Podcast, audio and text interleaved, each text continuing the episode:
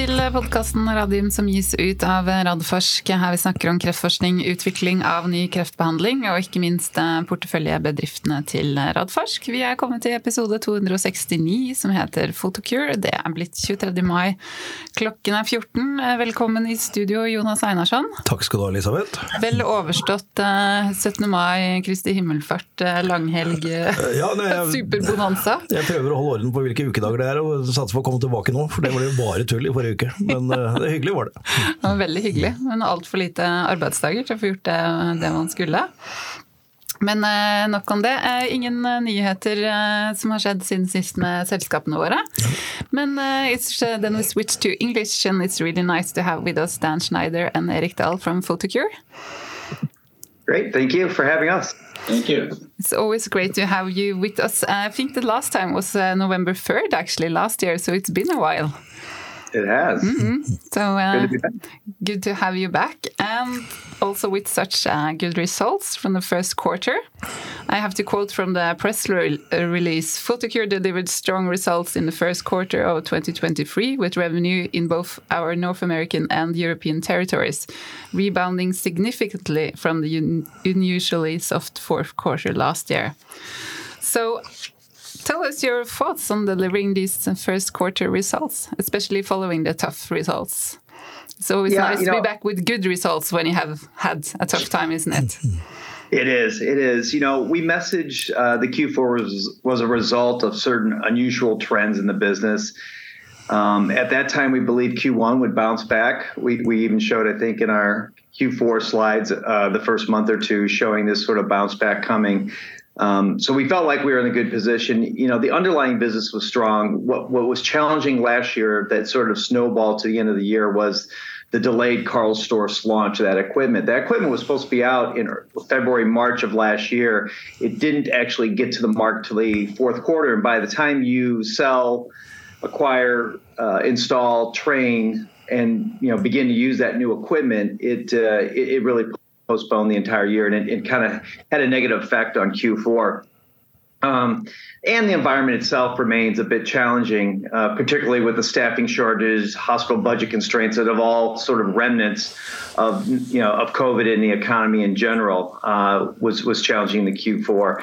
But we we knew that the underlying business was good. We knew we were doing all the right things. Uh, we knew the excitement, you know, as as we'll talk about later today around EAU and AUA was there around blue light cystoscopy like it had never been before. Um, you know, so we, we knew we were in a good position. So, you know, you know, we expect to achieve 20% or greater growth this year uh, and be EBITDA positive. So uh, we believe we have a really compelling story uh, looking forward. Um, it's not without its challenges. You know, as soon as we announced Q4, Karl Storz announced that they're no longer going to produce the Flex blue light system.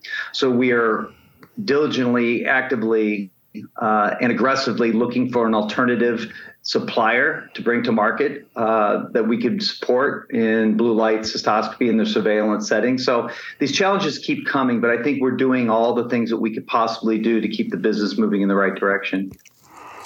That's great. Uh, it's all you can do as well. Uh, Jonas, do you have a comment?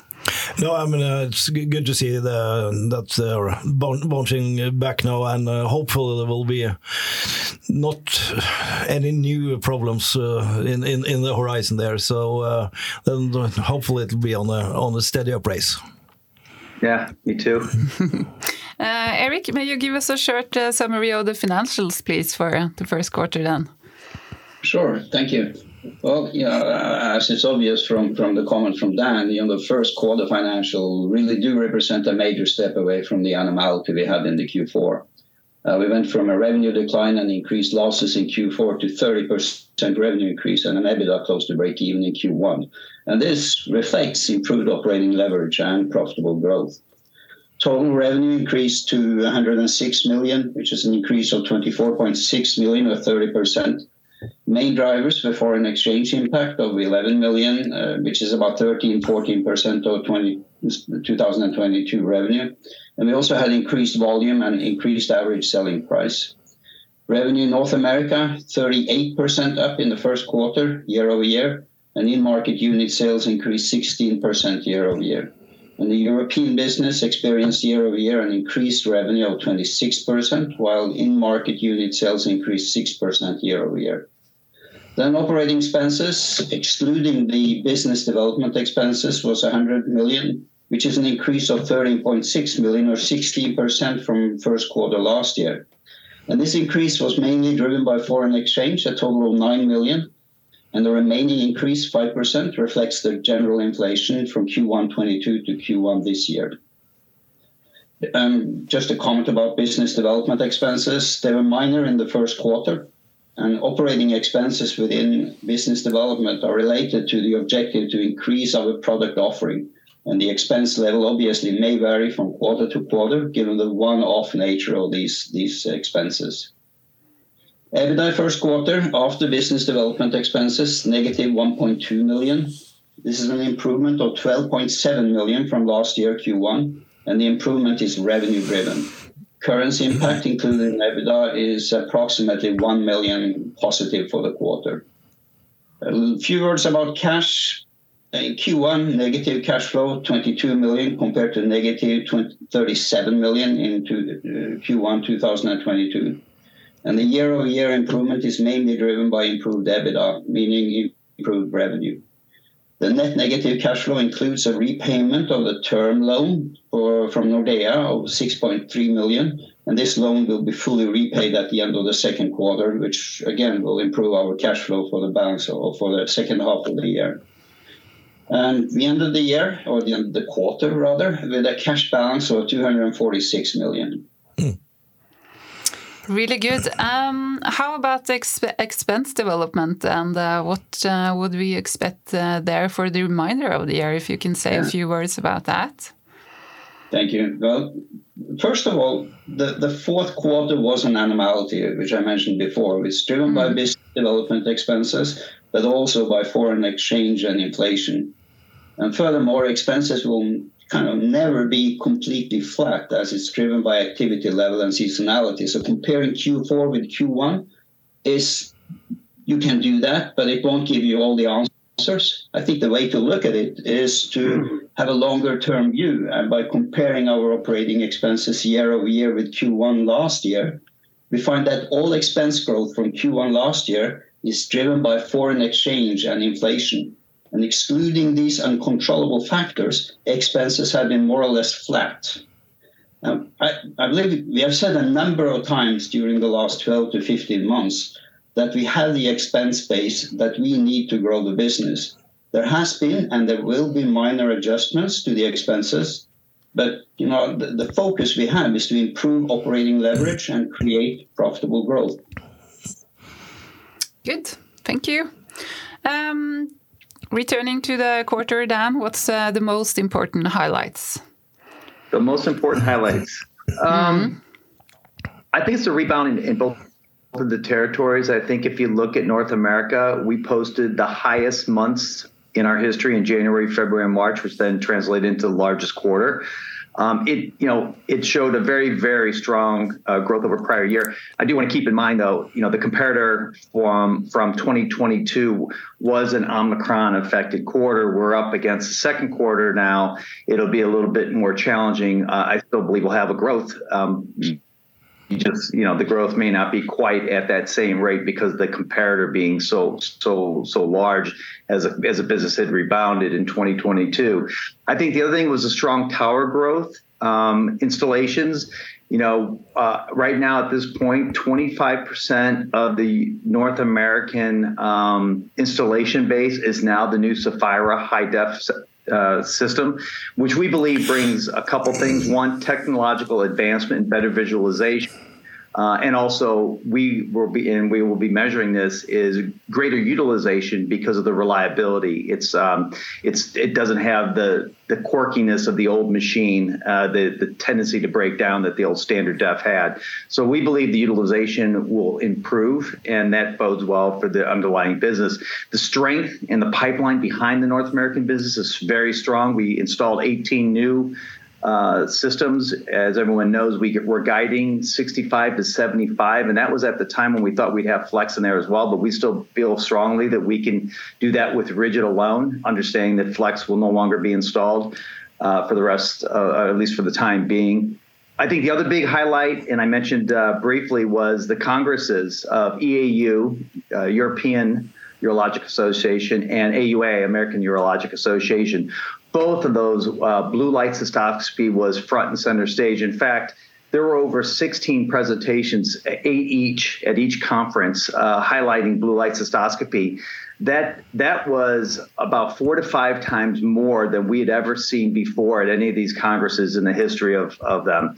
Um, and in fact, you know, just this year's congresses was more than double the amount of presentations that we'd seen over the last two years. So it was extremely strong. Uh, registry data from the Nordic on Flex was presented. The U.S. registry as a real world evidence.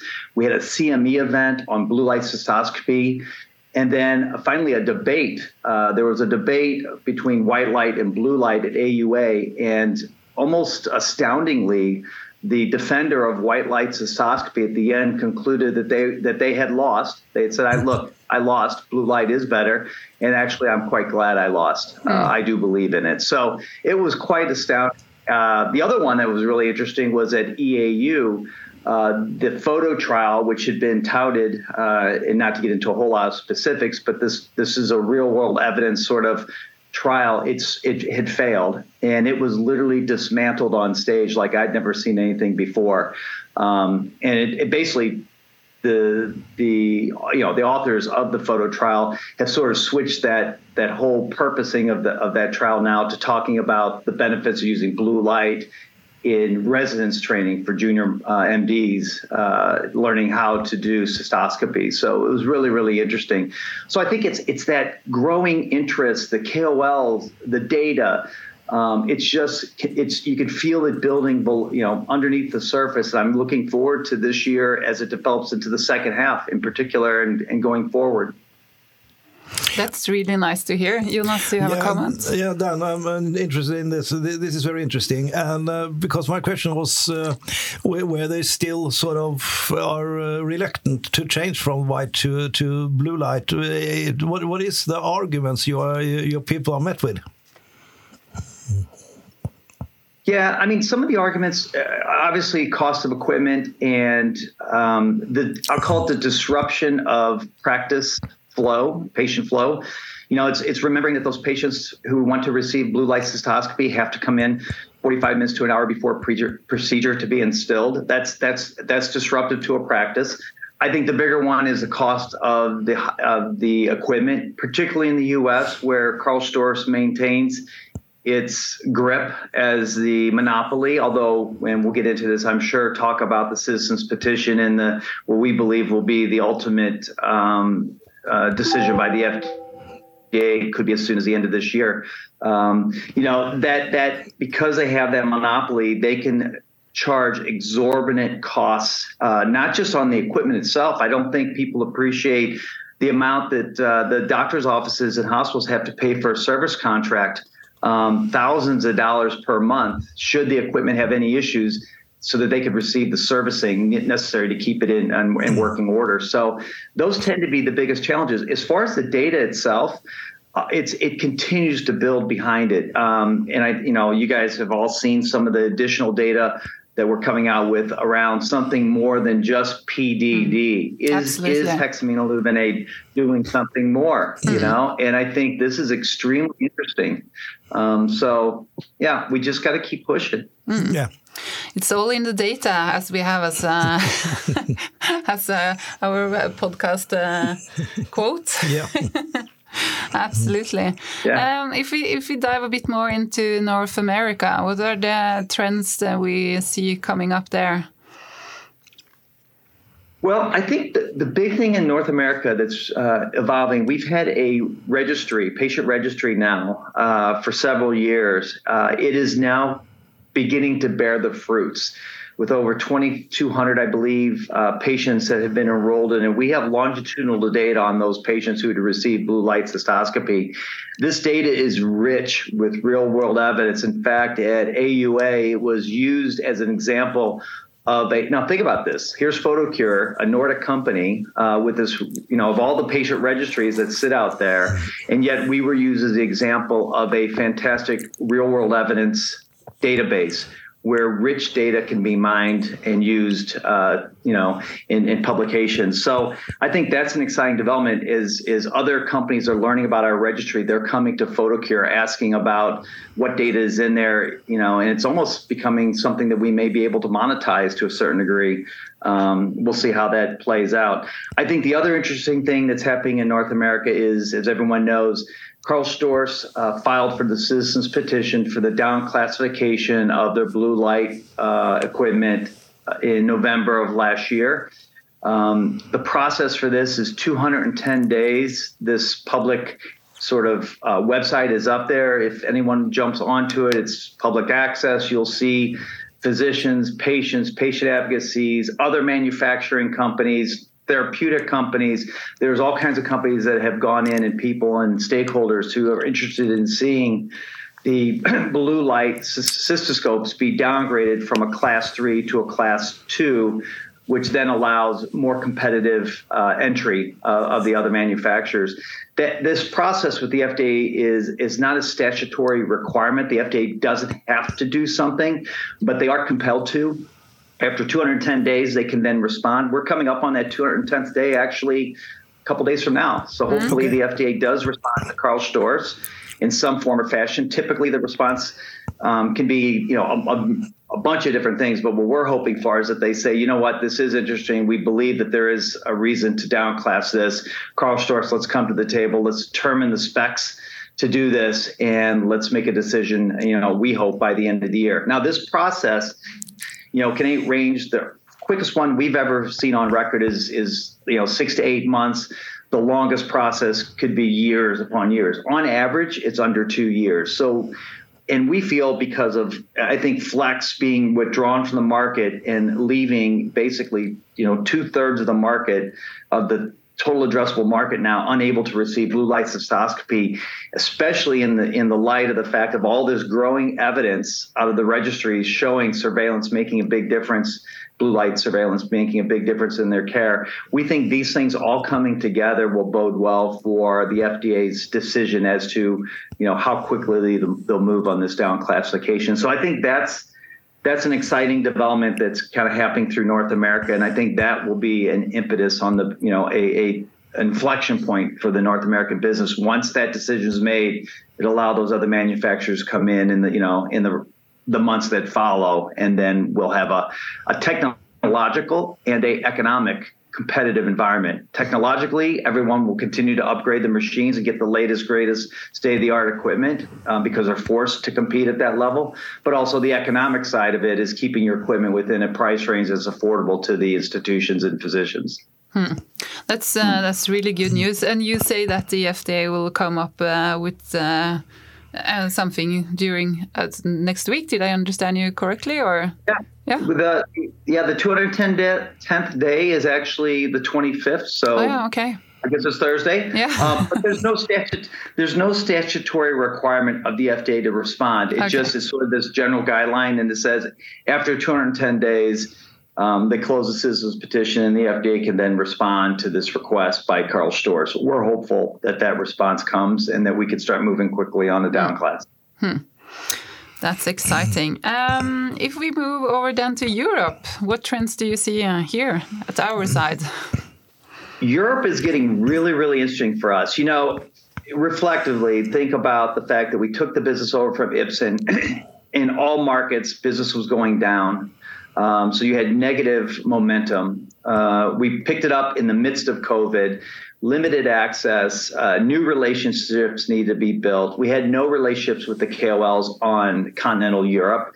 Uh, so you had to build those, and you know, and you think about in the biotech space, you know, generally when you're going to launch, you start a lot of this stuff two years or more you know, through your clinical trials, et cetera, establishing these relationships with the key opinion leaders of the area, the region, to then launch yourself commercially. We got thrown into Europe with with nothing more than you know um, what we had, and which wasn't a whole lot. What has developed very very quickly, and I think evidenced at EAU, was the amount of support, and it's not just hey we believe in blue light, but it is almost um, like like the KOLs are on this crusade on blue light. I mean, when we saw what um, you know happened at EAU, where they just literally dismantled and destroyed uh, the photo trial which uh, which quite frankly, you know, now in hindsight, when it came out, it, concluded that blue light was questionably better than, you know, was it better or was it not better than white light? I think definitively every KOL across the world and almost any physician that knows anything about trial design and, and understanding the data will will now conclude without a question that the photo trial was completely faulty and false in its conclusions. It also, though, resurrected this huge debate around blue light cystoscopy, which has actually benefited us. You know, I sometimes say, you know, there's no such thing as bad press, and I would have to say in this case that has been the case for us. Absolutely, you know, be a bad press. yeah, I mean, it has been astounding to see the you know what's what's going on in Europe. Um, we're getting uh, traction. Germany's starting to pick up and grow. Um, we've got pipelines of new accounts growing in in France and UK. Uh, in Italy, we have um, the big thing in Europe is you know when we took it over, only Richard Wolf really had, I would call, state of the art equipment. Karl Storz had basically abandoned blue light, and Olympus completely had given up on it. That has all changed. Karl Storz now has iterated their blue light machine to bring it up to, to, to the latest and greatest. So they're in the process of, of, and we're helping them obviously to upgrade all the equipment across Europe. Uh, where the Olympus has a stronghold, they have very old equipment. Uh, they committed to and will be launching later half of this year uh, the new blue light system in Europe for Olympus, which is huge, especially in the Nordic region. Um, we have had our challenges in Denmark and parts of Norway where Olympus has a very you know strong position and they've done everything they can to hang on to that position by positioning NBI as as good or almost as good as blue light. That is going to change uh, in the second half of this year. Um, we know this from a global perspective that Olympus is positioning NBI as a improved white light, but that for surgical procedures, blue light cystoscopy should be used. So you know, these manufacturers upgrading all their equipment throughout Europe only happens when they believe that demand is there. And I think, um, you know, between the pipelines, the interest, the conversions, the KOLs, and the data, uh, I think we're in a great position in, in Europe. Hmm. Uh, look to the second half of this year and into 2024 and beyond. Sounds great. Do you have a comment, uh, Jonas, or? No, uh, I, I, really think that uh, what's happening with uh, the key opinion leaders is the most important thing. And then there has been these hurdles with uh, with old equipment and uh, not too much uh, attention around that. So I think this could really be a breakthrough. Hmm. So, uh, so to sum up, uh, I mean, now you're optimistic. Uh, you have presented great results. Um, we see trends here moving in the good direction. Uh, what uh, what uh, should we expect on one side, and what's the milestones? So first the expectations, and then the milestones. Yeah, um, I think we're gonna have a significant bounce back. I think second quarter we're against a pretty heavy, pretty large comp compared to last year, but I think we'll still we'll have the growth. I think we'll start seeing the growth con- continue to accelerate through the second half of next year and, and into the new year. Um, I believe that there is a, a, good possibility that the FDA will respond on that citizens petition in the affirmative and basically begin the process of down classification. I'm hopeful it begins by the end of this year. I think I'm, you know, more than confident that this is going to happen. Uh, you know, certainly by next year. Um, but I think I think there's a good shot at it this year. Um, a lot of good a lot of good things happening in the background that I, I just can't get into. Um, in the U.S. and in Europe, Europe I think you'll see a lot of upgrades to the existing equipment that's out in the marketplace, which then we think translates to better utilization and leverage in every account. Um, we'll see Olympus switch into their new blue light systems, which I think will in itself create a new buzz and interest throughout the Nordic region where they have a stronghold. In the US, the pipeline remains strong. Uh, as we mentioned, 65 to 75 rigid scopes placed this year. We had 18 in the first quarter. If we continue that pace, think you know 15 to 20 uh, will be more than in that range. Uh, we believe 20% or greater growth uh, in revenues and uh, and positive EBITDA, which I think a lot of our listeners have been waiting for and listening for. Um, we have we, we think we have the operating leverage now, and we'll build on that going into uh, the rest of this year and for going forward. That sounds great. Uh, Erik, do you have a final comment before we close down? Yeah, I, I first quarter was a, was a very important step forward. Uh, it's it's happening a lot to our numbers, which I love, obviously. Hmm. That's exciting. okay, thank you so much for joining us again. And uh, I hope it won't be uh, six months until next time. And uh, cross fingers for uh, everything going your way now. Yes, thank you. Okay. All right. Bye. Bye.